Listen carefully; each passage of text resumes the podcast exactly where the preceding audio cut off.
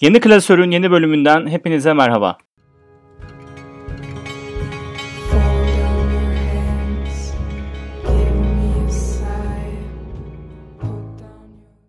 Evet, bugün Netflix'in ilk Alman orijinal ve aynı zamanda Netflix platformunun da dünyadaki en popüler dizilerinden olan Dark'ın son sezonunu konuşacağız. Farklı yönleriyle ele almaya çalışacağız.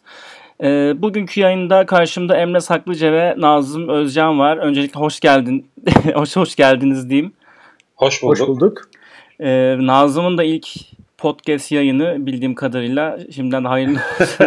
Güzel bir yayın evet, olmasını ilk, diliyorum. İlk podcast yayının hayırlı olsun gerçekten bize. ilk kez oruç tutmuş gibi mutluyum yani şu an. Çok iyi bir şey bu. o zaman ben önce e, Nazım'ın fikirlerini merak ediyorum. Ee, hani ne hissettin ve neler gördün bu sezondan Nazım? Hani nasıldı bu sezon senin için? Ee, şöyle söyleyeyim. Ben önce bir ufak deneyimimden bahsedeyim. Biz e, Dark'ı izlerken bu arada Nazım evet. Nazım bir dakika başlamadan hemen tabii, bir şey tabii. söyleyeyim. Oradan tamam. devam et. Bölüm kesinlikle e, spoiler içerecek tabii, tabii. sohbet. Efsane spoilerler. Şimdiden söyleyeyim. Evet yani o yüzden e, eğer izlemediyseniz kapatın izledikten sonra başlayın. Böldüm devam et abi. Tamam okey. Şimdi hiç, hiçbir spoiler yok. Sadece şunu söyleyeceğim. Hissiyat şöyleydi ikinci sezonda. İlk sezonda bu kadar değildi. Havada güneş var. Yani daha güneş batmamış. Ve ben durup şey dedim yani. Güneş battı mı acaba? Çünkü o kadar karardı ki dördüncü bölümden sonra ben gerçekten iptal oldum. Gerçekten enerjim bayağı aşağı indi ve dedim ki evet dizinin adının Dark olmasını vücudumda hissediyorum. Gerçekten böyle bir deneyim yaşadım ikinci sezonda. Ee, bir de e, sanırım ikinci sezonda en çok hissettiğim şey Geleceğe Dönüş filminin serisinin ikinci sezonu, ikinci bölüm var ya. O ikinci bölümdeki karanlık ve o zaman zıplamalarıyla o kadar böyle hani tam paralel demeyeyim de o kadar birbiriyle uyumlu gidiyor ki. Dedim bayağı etkilenmişler. Yani Zemeckis'ten o Geleceğe Dönüş'ün ikinci bölümünden bayağı etkilenilmiş dedim. Yani ve bu yüzden de çok beğendim. Açıkçası. İlk sezona ölümden, göre. Ölümden dönmüşsün be üstad. Yani kararma falan böyle birden. Ya hava karardı. Hatta üşümeye başladım. Yani hava sıcak ama ben diyorum ki galiba hava karardı ve hava soğudu. Ee, ve üzerimi örtmem lazım falan dedim. Çok kaptırmıştık kendimi yani. Harry Potter'da ruh emiciler geldi aklıma. Yaşıyoruz. Şimdi ya Emre sevmeyecek ama e, yani ruh emicileri ben burada yine bir anmak istiyorum. emiciler geliyor falan işte her yer böyle buz gibi oluyor falan evet. böyle bir şeyler çekmeye başlıyor senden gibi gibi. Tam bunun gibi aynen. Yani bu, bu görüşümü belirtmek isterim. Peki sezon nasıldı sence? E, sezon bence e, bir önceki sezona göre bana göre daha takip edilebilirdi. Çünkü işin içinde aksiyon daha fazlaydı. Aksiyon olunca kendini kaptırıp daha rahat hani o zaman sıçramaları olsa bile takip edebiliyorsun. E, o yüzden e, ben daha iyi takip edebildim ve konuları özellikle o hani ilk sezonu izleyenler bilirler. O zamanla ilgili bütün mefhumları çok güzel böyle bölüm bölüm oturtarak geçiyor ve ben her bölümde aman tanrım çok güzel oturttular. Ya evet böyle oturtulabilirdi falan diyerek bitiriyorum yani. O yüzden e, böl, hani bölümün sezon dramatik yapısı çok iyiydi. Ve ben o konuda çok beğendim. Bir eksik var bence. Hı hı. Kasabanın geri kalanı birinci hani birinci sezonda kasabanın geri kalanını görebiliyorduk. Hani çocuklar, diğerleri falan vardı ama burada Windham'da sadece dört aile var yani. O beni biraz şey irite etti. Yani o biraz böyle gerçekliğini sarstı açıkçası ikinci sezonu.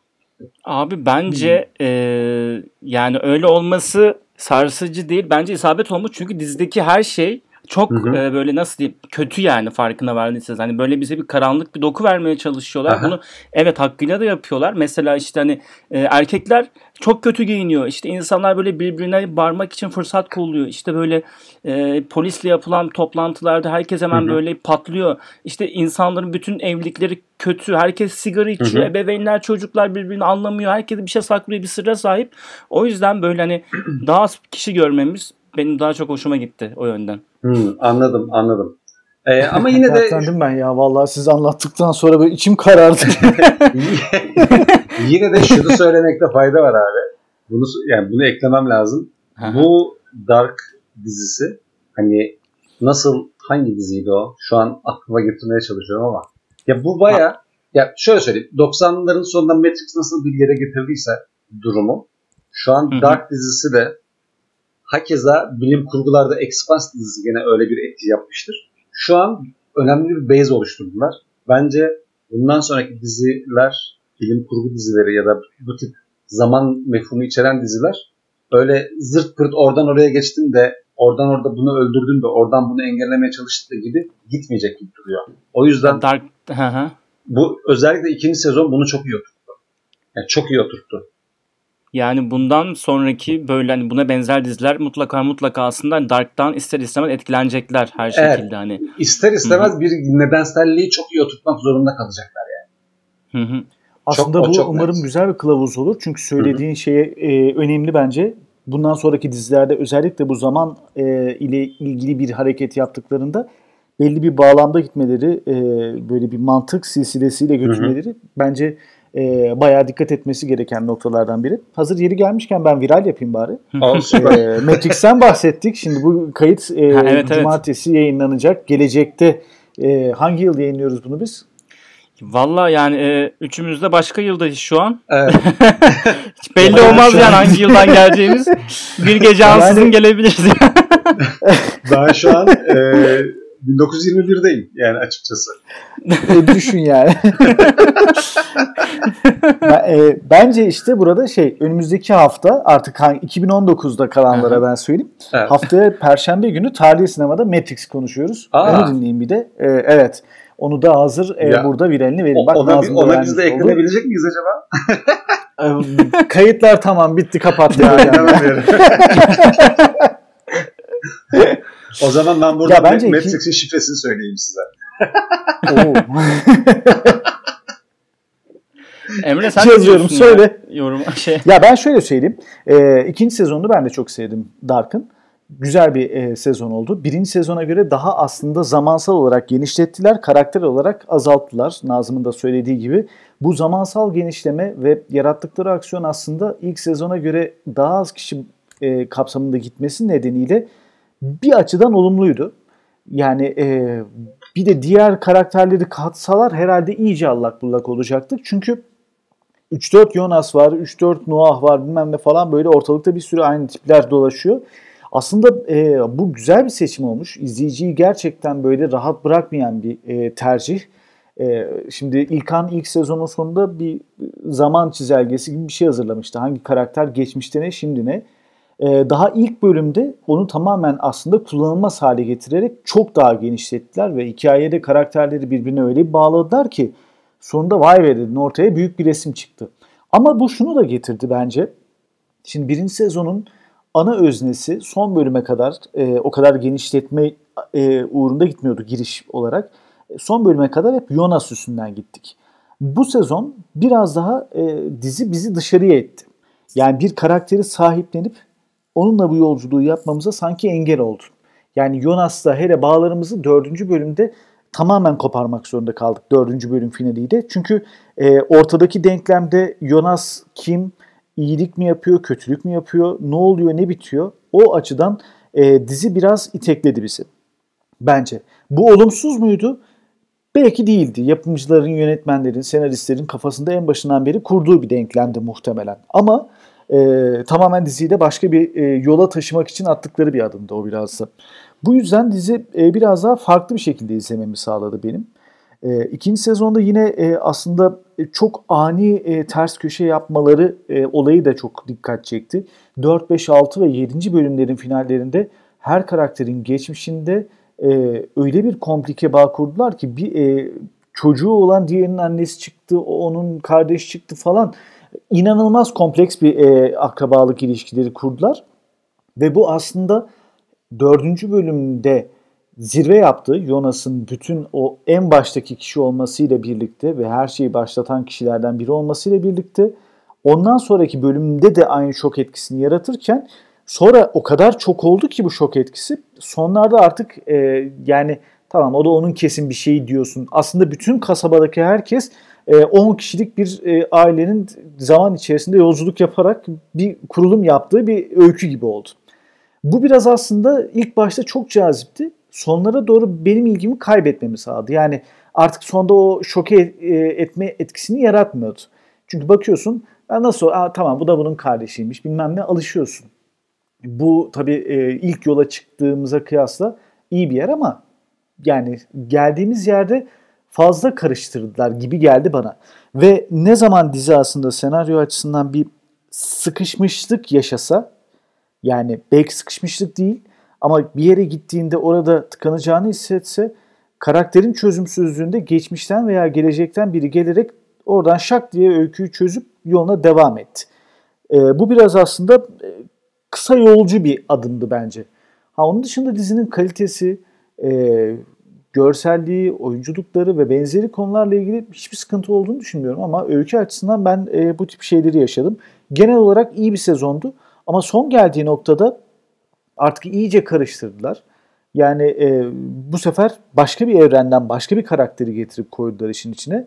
Biz dedik ki bu 3 e, 4 zaman diliminde bir sürü bizim aynı karakterlerden varken sonu olmayan bir evrende yani bir evren biliyoruz şu anda paralel olarak.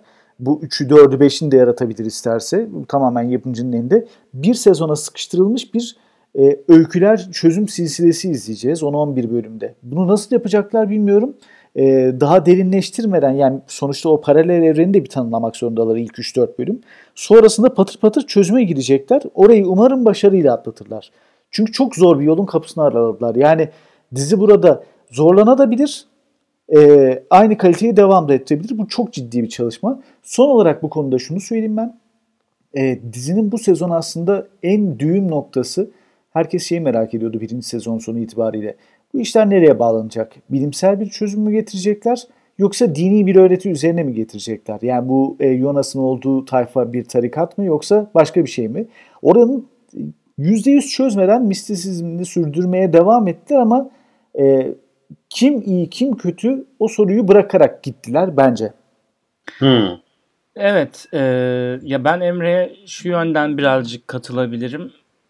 E, katılabilirim. Ya şimdi ben o kadar çok hani normalleştirmedim bu e, hani öyle üst üste bu şok dalgalarını çok fazla hı hı. normalleştiremedim kendi bünyemde çünkü hani e, her gördüğümüz şok bir öncekinden çok daha üst düzeydeydi ve hani e, böyle birbirini yansıtan yani böyle birbirini tekrar eden bir durum yoktu. E, ama hani evet sonlara doğru biraz daha o işler e, komplike bir yer olunca ister istemez ilgisi kopuyor insanın. Hı hı. ilk sezonda e, işte e, karakterleri tanımaya çalışıyorduk ve onlar üzerinden de birinci sezonun sonunda elimizde birçok e, soru vardı ve hemen hemen de hiçbirine cevap alamamıştık. Bu sezonda kısmen cevaplar aldık ve hani e, Nazım'ın da dediği gibi daha iyi takip edebilmemizin sebebi de aslında buydu. Bazı şeyleri bile e, artık yavaş yavaş öğrenmeye başladığımız için ilk başlarda hı hı. kolay takip edilebilir bir dizi oldu. Yine işte bol bol e, Nietzsche'li e, psikanalitik e, göndermelerin bol olduğu ve bol bol arzudan falan bahsedilen bir sezondu. Çok hoşuma gitti benim o yüzden. Ee, ama mesela yani hiç böyle tahmin edemediğimiz sahneleri ve işte bu zamansal sıçramaları gördüğümde ben böyle bir süre sonra şey hissettim hani alay ediliyormuşum ve manipüle ediliyormuşum hmm. gibi hani oha hani yani bu da ol ya hani ne oluyor falan diye oluyor insan. Baya böyle hani bir yerden sonra yani böyle bakarım mı yapıyorlar bizde falan diye düşündüm ama yani işin sonunda yani Emre'nin de dediği gibi bayağı bir komplikeleşiyor olay ve e, işin içinden çıkılmaz bir hal olunca ve iyice başka bir alana girince paralel evren gibi e, yani yine tadının damağımıza kaldığı bir sezon oldu benim evet, için. Evet. Ee, ben bir şey eklemek isterim. Burada. Tabii. Ya mesela şey em, dizide hem bu kurguyu hani çok orijinal bir kurguyla gidiyorlar ya hikayeyle gidiyorlar diyelim. Hem de yani o bağlı bulundukları hani bunu daha önce işlemiş bir takım dizilere ya da filmlere de hani şey alıyorlar mesela bir referans da alıyorlar. Mesela o e, zaman makinesine yani hem en sonda gördüğümüz zaman makinesi hem zaten bunların kullandığı zaman makinesi hem de ta 1921'deki o bütün makinelerde şey figürü hani o bir şey yerleştiriyorsun içine ya o hani radyoaktif izotop yerleştiriyorsun, evet. başka bir şey yerleştiriyorsun. Bunların hepsi e, geleceğe dönüşte DeLorean'in arkasından üzerine yerleştirilen o hani uranyum izotopu yerleştiriyorlardı ya. Bir bir kabın içinde yerleştiriyorsun ve o onu bir zaman makinesi haline getiriyor. Aynı yani. Aynı şekilde dışarıdan bir tüp yerleştiriliyor bir izotop var. Onu oraya bağlıyorsun ve çalışmaya başlıyor ve oradan zaman yolculuğuna geçiyorsun. Mesela bunu e, hani geleceğe dönüşü çok fazla izleyenlere böyle aşina gelmiş olmasına rağmen kendi içinde o kadar sindirmiş ki çoğu kimse şunu dememiştir. Aa bunlar geleceğe dönüşü almış da şuraya koymuş falan dedirtmiyor yani. Mesela bu çok Aslında sen diyene kadar ben fark etmemiştim bile. Yani Back to the birkaç kez izlememe rağmen mesela ben, senin söylemenle fark ettim. Ben ilk sezonda fark ettim bunu. İlk sezonda dedim ki işte bu Emmett Brown'ın ilk böyle şeyi koyarken işte o hani radyoaktif izotopu koyarken ki mekanizmayı aynısını yapmışlar. Hele o yani ikinci sezonun son bölümünde gördüğümüz o yeni nesil zaman makinesi de iyice anlaşılıyor. Yani böyle dışarıdan bir şey enjekte ediyorsun ve oradan geçiş yapıyorsun. Mesela o çok iyi bir detay yani. Hı hı. Ya evet, mu- evet. Nazım'da ya çok şey var böyle yalnız. E, fark etmediğimiz de daha çok gönderme vardır. Ben de nerede denk gelmiştim bu e, Mikkel'in giydiği iskelet kostümünün işte Donnie Darko'ya bir gönderme hmm, olduğu evet. E, gibi. Ya muhtemelen çok da fark etmediğimiz böyle bayağı bir göndermeler vardır yani. Evet Nazım biraz daha derinlemesine ama sanırım e, bizden farklı tespitleri de var burada. Yani biz biraz sezonsal olarak değerlendirdik ama yani genel izleyici olarak değerlendirdik Hı-hı. belki de. Ama Nazım biraz daha karakterlerin isimlerinden tutun öykülerine kadar pek çok ayrıntıya girişti. Evet, bayağı bir biraz referans. aslında onu dinleyelim burada. Evet, ya Nazım'a evet. burada bırakalım. Şöyle söyleyeyim ben buna çok ilginç bu olaya Ezel dizisinde başladım. Yani isimler ne anlama geliyor. hani niye o ismi koymuş falan diye gerçekten sağ olsun Ramiz dayı sayesinde bir sürü şey öğrendim. Orada işte ben hani anlamlara bakıyordum ve gerçekten hani senaristler e, karakterlerin isimlerini özel olarak verdiklerinde çok uyumlu bir ambiyans oluşuyor. Ya mesela e, Hana karakteri Dark'taki mesela Hana e, şöyle söyleyeyim bir normalde e, bir isim olarak bir Yahudi ismi. Nereden geliyor? E, Samuel peygamberin karısı ve ondan çocuk yapan kadın olarak geliyor. Ama aslında Hana e, Samuel'in babasına aşık ve Samuel'in babasının gözdesi. Ama Samuel E, Samuel'in babasının yani Samuel'in annesi asıl kadın olduğu için e, Samuel'in babasına çocuk yapamıyor. Bu yüzden çok büyük kıskançlık yaşıyor. Ama sonra bir şekilde araya birileri giriyor. Bir e, bir zemin oluşturuluyor ve Hanna'yı Samuel'le evlendiriyorlar. Yani gerçekten dizide de Hanna Mikkel'den çocuk yapıyor ve Ulrich, Ulrich'e aşık ve Katerina'yı kıskanıyor. Ama onlardan çocuk yapması çok zor. Mesela evet. bu çok ilginç. Bu süper bir kurgu yani. Evet aslında iyiymiş. Hiç, hiç bizim dikkat edeceğimiz bir şey değil yani şimdi onu söyleyeyim. yani Mesela, bütün isimlerde gerçekten böyle bir e, kurgulama varsa e, evet şöyle söyleyeyim. Mesela Jonas Jonas, e, Ionas hani Yunancası Ionas, Latincesi Jonas.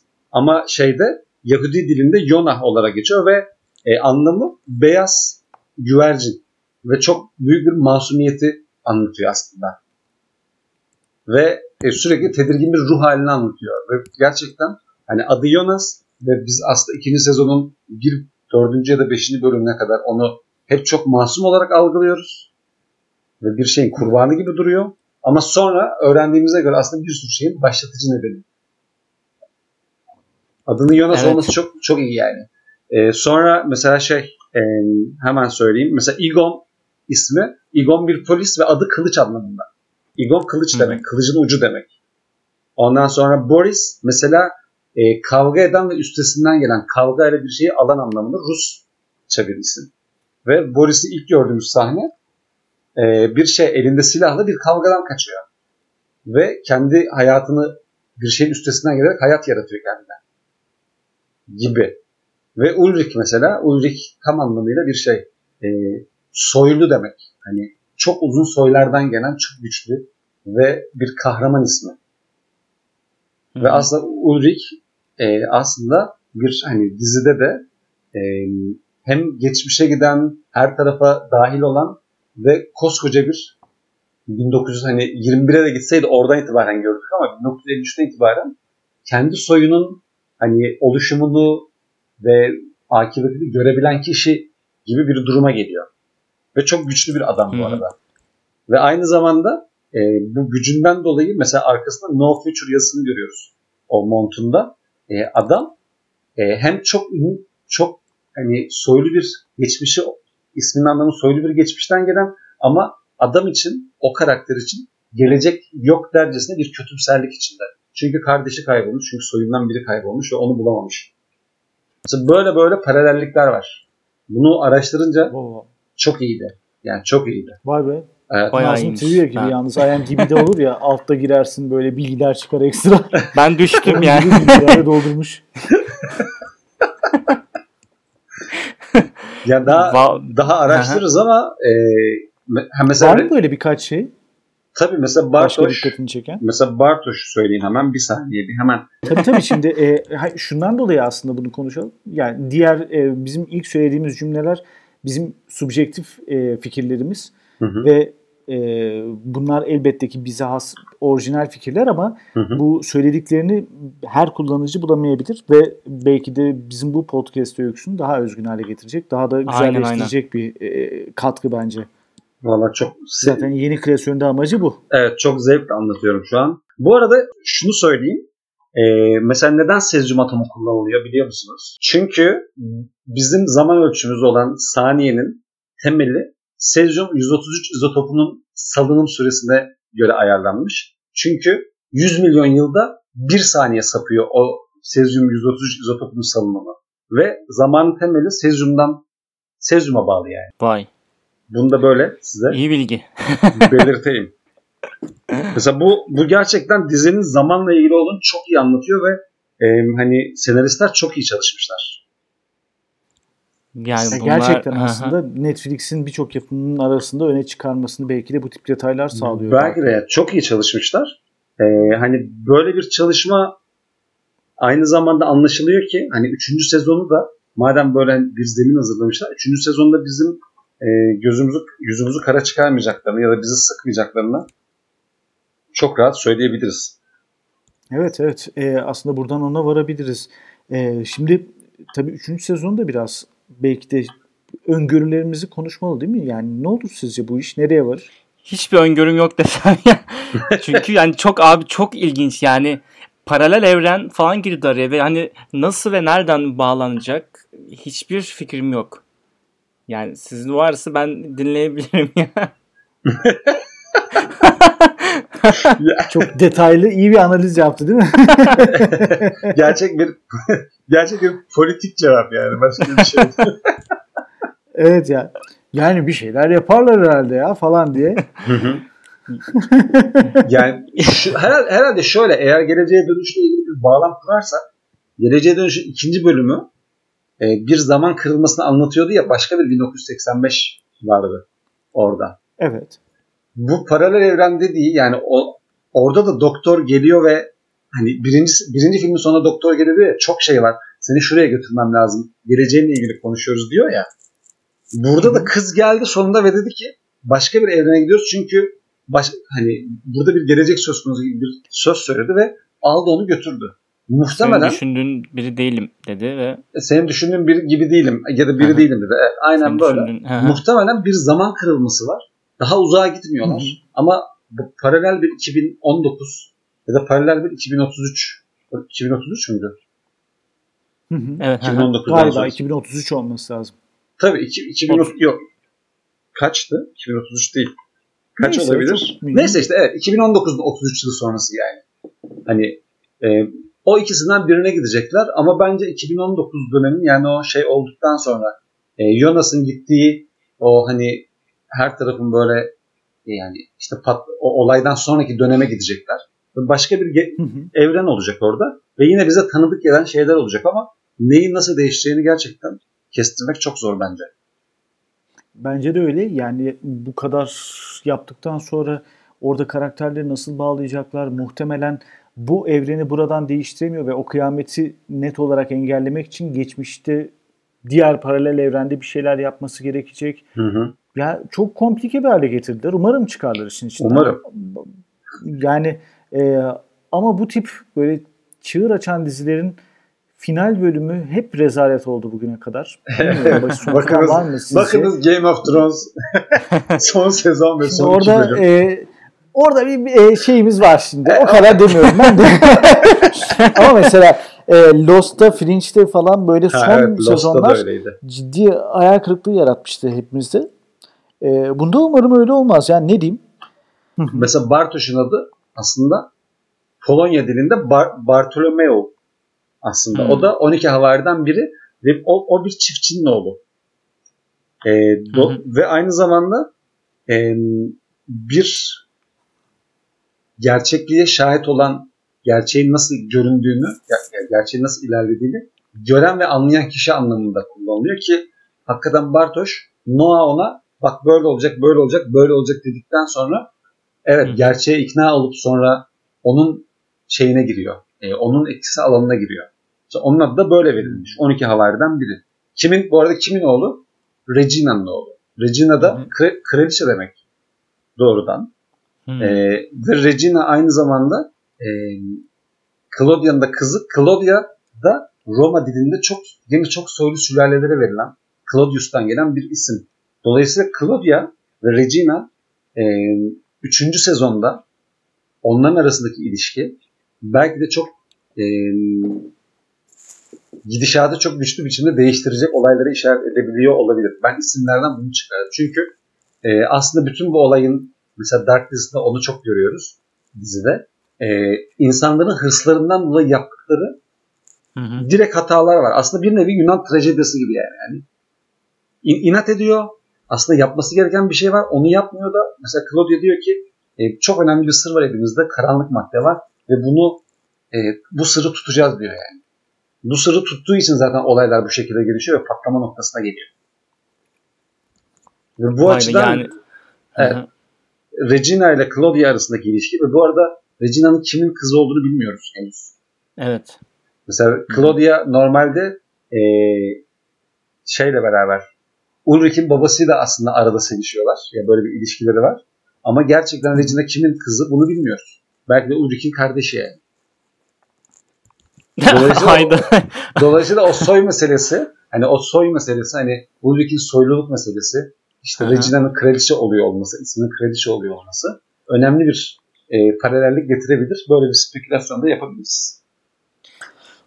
Bence İlkan sen oturup e, bir tane daha internette çok var gerçi de e, yeni sezona ilişkin çok böyle detaylı hatta interaktif böyle tıkladığında oraya götürecek hmm. buraya götürecek bir harita yapsan iyi ya, olur. Evet. Çok karıştı. Çok karıştı yani. Ortalık evet. çok karıştı. Ya ben şimdi şeyi de merak ettim. Hani dizinin danışmanları kim? Hani kimlere danışılıyor? Hani akademisyen var mı ya da işte hangi tarihçi vesaire, fizikçi vardır. vesaire vardır. vardır. Onların ismini falan da merak ettim. Onlara da bakmak lazım. Ya peki bu sezonda yani iyi bir bilim e, aklı var yani arkasında. Evet evet yani yani bir bayağı bir üst akıl var ya. üst akıl evet. ya peki bu sezonda hani hoşunuza giden en çok hoşunuza giden ve en çok hoşunuza gitmeyen şeyler nelerdir diye sorsak şöyle bir. Ee, ben orada açık bir yanıt vereyim. Hı hı. Bence en güzel şey e, dördüncü bölüm finali olan Jonas'ın bütün işleri yapan kişi olduğunu evet e, ben senim dediği sahne hı hı. bence bu sezonun en güzel sahnesiydi. Hmm. Hmm. Ya ben e, sahne olarak değil de şöyle ee, yani en en çok hoşuma giden oydu evet, yani benim. Benim de en çok hoşuma Müthiş giden şey şoktu. Geçmişteki hiçbir şey hiçbir şekilde değiştirememen. Yani işte mesela geçmişte müdahale etmek için gidiyorsun. Mesela işte Claudia babasının yanına gidiyor. Hani işte bizim benim yanıma taşın falan diye. Hani orada aslında onu ölümden kurtarmaya çalışıyor. Ama e, Claudia yine işte babasını evde ikna ederken adam ölüyor yanlışlıkla ve ölmesi gerektiği gün ölüyor. Ve hani hiçbir şekilde değiştiremiyor kimse hiçbir şey. Bu bence bu sezonun en müthiş ve aynı hmm. zamanda en çok da böyle üzerine düşündüren şeyi bence. Anladım. E, benim de şey e, Tannhaus'la e, Claudia'nın karşılıklı o kitabı verdiği konuşma sahnesi. Hı hı.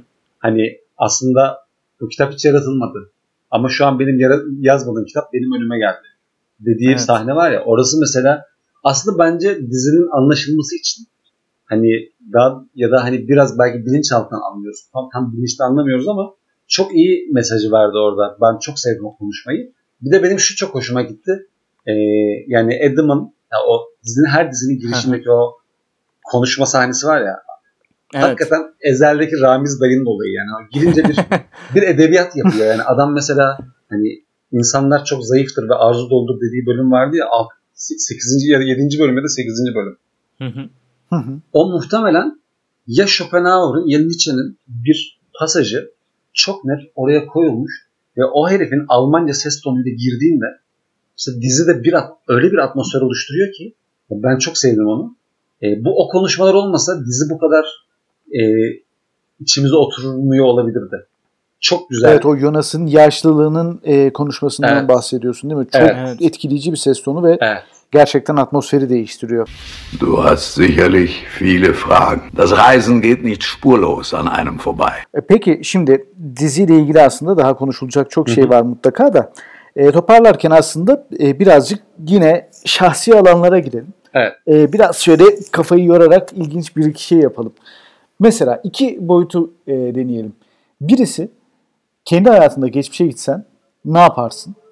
İlk hmm. nokta bu olsun. İkincisi e, yani mesela kendine bir uyarı yapabilir, verebilirsin. Hmm. E, olabilir. Hani ya da başka bir şey yapabilirsin. İkincisi tarihte, geçmişte veya gelecekte hangi zamana gitmek istersin? Hmm. İlkan. niye, niye oklar bana çevriliyor abi? Gitmiyorum abi ben bir yere. İlkan, Bence İlkan, İlk, İlkan 6 Ağustos 1990'a gidip hani e, yarın doğuma gitmeyin e, gibi. ya, e, ya hayatımla ilgili bir dönüm noktası var bundan e, 7-8 yıl önce ve hani çok böyle e, mahremine girmeyelim. Aa yok yok. Ani bir karar verdiğim bir gündü o ve hani sakin kalmam gereken bir gündü ama hiçbir şekilde sakin kalamayıp çok saçma bir karar almıştım. O, yani o güne gidip böyle karşıma geçip oğlum lan bir sakin ol hani bir dur bir bekle bir düşün diye böyle bir kendime kendimi teskin etmek isterdim yani. Evet Emre'cim. Ee, Emre'cim sen? Aa bana geldi sıra. 83'e gidelim. Ya aslında ben e, bu sorunun yanıtını hiç düşünmedim biliyor musunuz? Yani hayatımın hangi dönemine giderdim? Ne yapardım? Herhalde ilk e, mühendislik dönemine dönüp e, onu bırakma derdim ya mühendisliği. Onu yapabilirdim yani. Böyle 2006-2007'ye gidip zorla bitir şu okulu salak mısın diye kendimi hmm. tokatlayabilirdim yani. ya da sen şeye gidelim ya senin internet kafe işlettiğin gibi çocukken ee... Şuraya üyelik sistemi falan aç bilmem ne. Parayı kırarsın ileride. Güzelmiş o bak. Evet Nazım. Ya da şey yapacaksın. e, çok bölüyorum. Ve 1994-95'e gidip mesela e, Netflix'in temelini kendime öğretirdim mesela. Oo, e, platformu yarat falan. tam bir o da olabilir. Tam bir çakallık ya. Evet evet ya. ee, ya sen Nazım? Benim benim galiba 1994'e gidip e, 94 tabi beni konservatuara annem konservatuara girmeye çok teşvik ediyor. Devlet konservatuarına, üniversitenin. Ve gidip orada Rusya'dan o dönem e, ya da Gürcistan'dan kaçmış gelmiş bayağı dünyaca ünlü müzisyen hocaların olduğu bir yerde orası. Onlara götürdü beni ve kulak testi yaptılar ve başarılı çıktım. Ee, ve bana sordular. Adam dedi ki sen buraya gelmek istiyor musun ama dedi. Yani onu bir söyle. Ben de demiştim ki e, fizik ve kimya dersleri olacak mı demiştim. Adam da hayır demişti. Tabii ki hayır ve anneme de böyle kafa sallayıp yani o fizik kimya istiyor onun için hayatını biz engellemeyelim demişti. Şimdi gidip oraya kendime derdim ki e, fizik kimya hani fiziğin de kimyanın Allah belasını versin. Canım diyerek. Orada bir kendimi konservatuara piyano bölümüne sokmak isterdim yani. Oo. Gerçekten. Kendine gel diye. Kendine gel diye. Yani, evet, saçmalama. Şu an, şu an fazla sayın bir takım söylemleriyle uğraşmıyor olabilirdiniz yani. Benle uğraşıyor olabilirdiniz. Hmm. evet, e, tarihsel gerçekten. bir dönem desek nereye giderdik? Geçmişte. Tarihsel bir dönem desek ben sana direkt e, 1789 patlak vermeden 10 gün öncesine giderdim yani oraya. Hmm. Vay. Aynen Kripto tam oraya yani. Ne yapacaktın? Devrim mi engelleyecek? Yok devrime katılacağım yani. Ya da en azından hani belki de şey terör dönemi başlamasın diye daha fazla çalıştım falan yani. Hmm. Gibi. Ya ben e, İngiliz özellikle İngiliz dizilerinden çok etkilendiğim dönem hani Victoria dönemi Büyük hmm. Britanya'da Britanya'da Hı İşte 1840 ve 1900 yılların e, arasında yaşamak isteyip e, yaşamak isterdim ve o dönemi e, bayağı böyle bir gözlemlemek isterdim yani. Hmm, Çok ilginç. Güzel. İşte oraya sen gittiğinde e, Samsunlu olarak adapte olabilecek misin? Midem bulanıyormuş falan. Çok iyi ya. ben geleceğe giderdim ya. 2100'e falan giderdim yani. Ha ya geleceğe evet. Ha geleceğe doğru. Geleceğe giderdim. Evet evet. evet. Yani gelecekte e, birçok sorunu çözmüş. Artık survive edebilecek teçhizatı kurmuş bir insanoğlu olarak e, bütün teknolojinin nimetlerinden faydalanıp hayatımı öyle sürdürmeyi tercih ederdim galiba. Abi peki ya 2100'e gittiğinde böyle sadece karanlık bir boşluğa adım atarsan yani mesela dünya gitmiş Dünya yok 2100'de. Karavana. o kadar da tarihsizlik olmasın yani hayatımda. Bari orada tutuyorum ya. Bu da mı gol değil mi? Çok iyi. Ve, bu arada ben de hakkımı gelecekten yana kullanmak istesem ben de yaklaşık 2300 Olur. ya da 2400 yani 2300'lere falan gitmek isterim. Şöyle uzaya yolculuk motorları falan bulunmuş olsun da hani böyle iki haftada mesela Jüpiter'e gidiyor. Survive yani. edecek. tabii tabii yani. Hazır e, şey de olur işte orada e, bugünün bütün krizleri bilmem neleri çözülmüş. Yeni daha e, yaşam üzerine dertlerle uğraşılmış bir gelecekte. bir şeyler yapmak keyifli olabilirdi. Ama ya. yine uğraşıyoruz yani dertlerle. Hiçbir şekilde evet, ütopya evet. yok yani gelecekte. Buraya bir İbrahim Tatlıses şarkısı atar mısın? Sanki terk edilmiş bir viranem Ya bu arada 38 dakika oldu. İstiyorsanız e, ufaktan kapatalım. kapatalım. Ufak ufak ya. Tabii ya. Ee, ben bu... Kapatalım. Böl- Peki e, bitime e, şey koyacak mıyız? Dark'ın giriş ben girişe koyacağım derken. onu. Ben onu girişe koyacağım. Böyle ha, girişe numara koyacağım. yapacağım okay, ben tamam. yani. Güzel. güzel güzel. Çok güzel Kapanma numara. sekansını Emre'ye bırakıyorum ben. Ee, birkaç da şey yaparsın belki. Tali sinema. Reklamı okay. yaparsın. evet böylece e, aslında yeni klasörü ufak ufak noktalayabiliriz. E, biraz geleceğe gittik, geçmişe gittik. Bu karakterler arasında bağlantıları kurmaya çalıştık. E, yalnız Nazım hakikaten e, bize özgün, Medyapod'a has e, bir başlık çıkardın. Çok Bu karakterlerin öyküleri, isimleri üzerine çok fazla şey konuşmuyoruz piyasada. Genelde Dark şöyle, Dark böyle veya Hı-hı. diziler şöyle, diziler böyle bağlamı giderken bu aslında yeni kreasyonda biraz farkı oldu. Hı-hı. Biz ilk bölümde Orhan'la, ikinci bölümde Ahmet'le bunu yapmıştık yine. Ee, Stranger Things'te de İlkan'la biraz yapmaya çalışmıştık ama özellikle Game of Thrones'u anlatırken hmm. mesela Orhan çok farklı açılardan bütün kitapları da okuyan birisi olarak farklı açılardan yaklaşmıştı. Oo, çok ee, iyi. Sen de nitekim Dark'ta benzer bir tablo yaratarak bize biraz daha ufuk açtın. Yani bu açıdan sana da biz bayağı teşekkür edelim.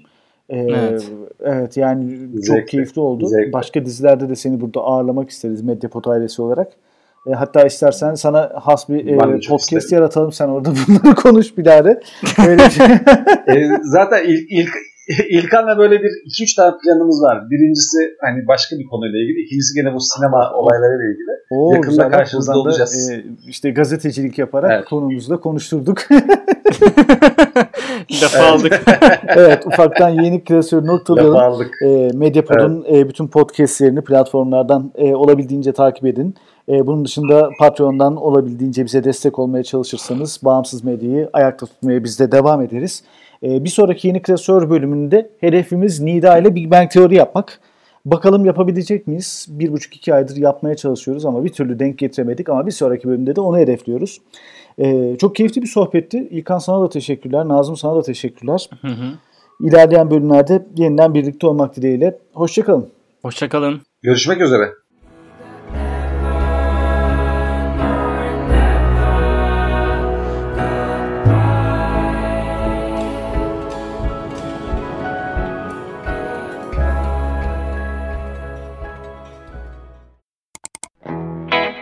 Medyapod'un podcastlerine Spotify, Google Podcast, iTunes ve Spreaker üzerinden ulaşabilirsiniz. Medyapod'u desteklemek için patreon.com slash medyapod.